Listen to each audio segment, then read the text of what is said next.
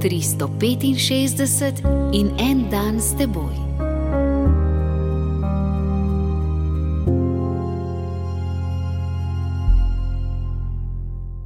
Iz prvega pisma Korinčanom, 15. poglavje, vrstice od 35 do 37.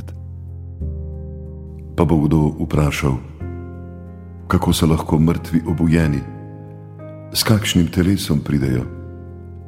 Neumneš. Kar ti seješ, ne uživi, če ne umre. In to, kar useješ, ni telo, ki bo nastalo, ampak golo zrno, bodi si pšenice ali česa drugega. To, da naj bi nekaj od nas, vsaj senca ali duša, ostalo tudi po smrti, so že od nekdaj verovali vsi. Novost krščanstva pa je, da bodo ustala telesa. Naše telo je zrno.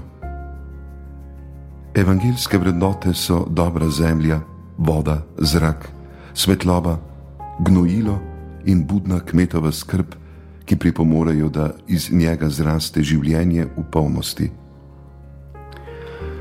Zadovoljstva in skrbi, praznovanje in garanje, ljubezen in bolečine, prijateljstvo in osamljenost, veselje in solze, spočitost in utrujenost, navezanosti in ločitve, mladost in starost bodo postali mi v nebeški soncem obsijani domovini.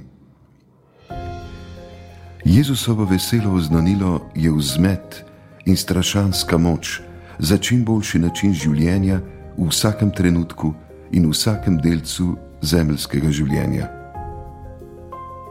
Kdor pa pričakuje, da bo postal senca, živi kakor senca. Izbire, ki so v nasprotju z evangelijem, uničijo zrno in mu preprečijo, da bi uskalilo. In to je pekel.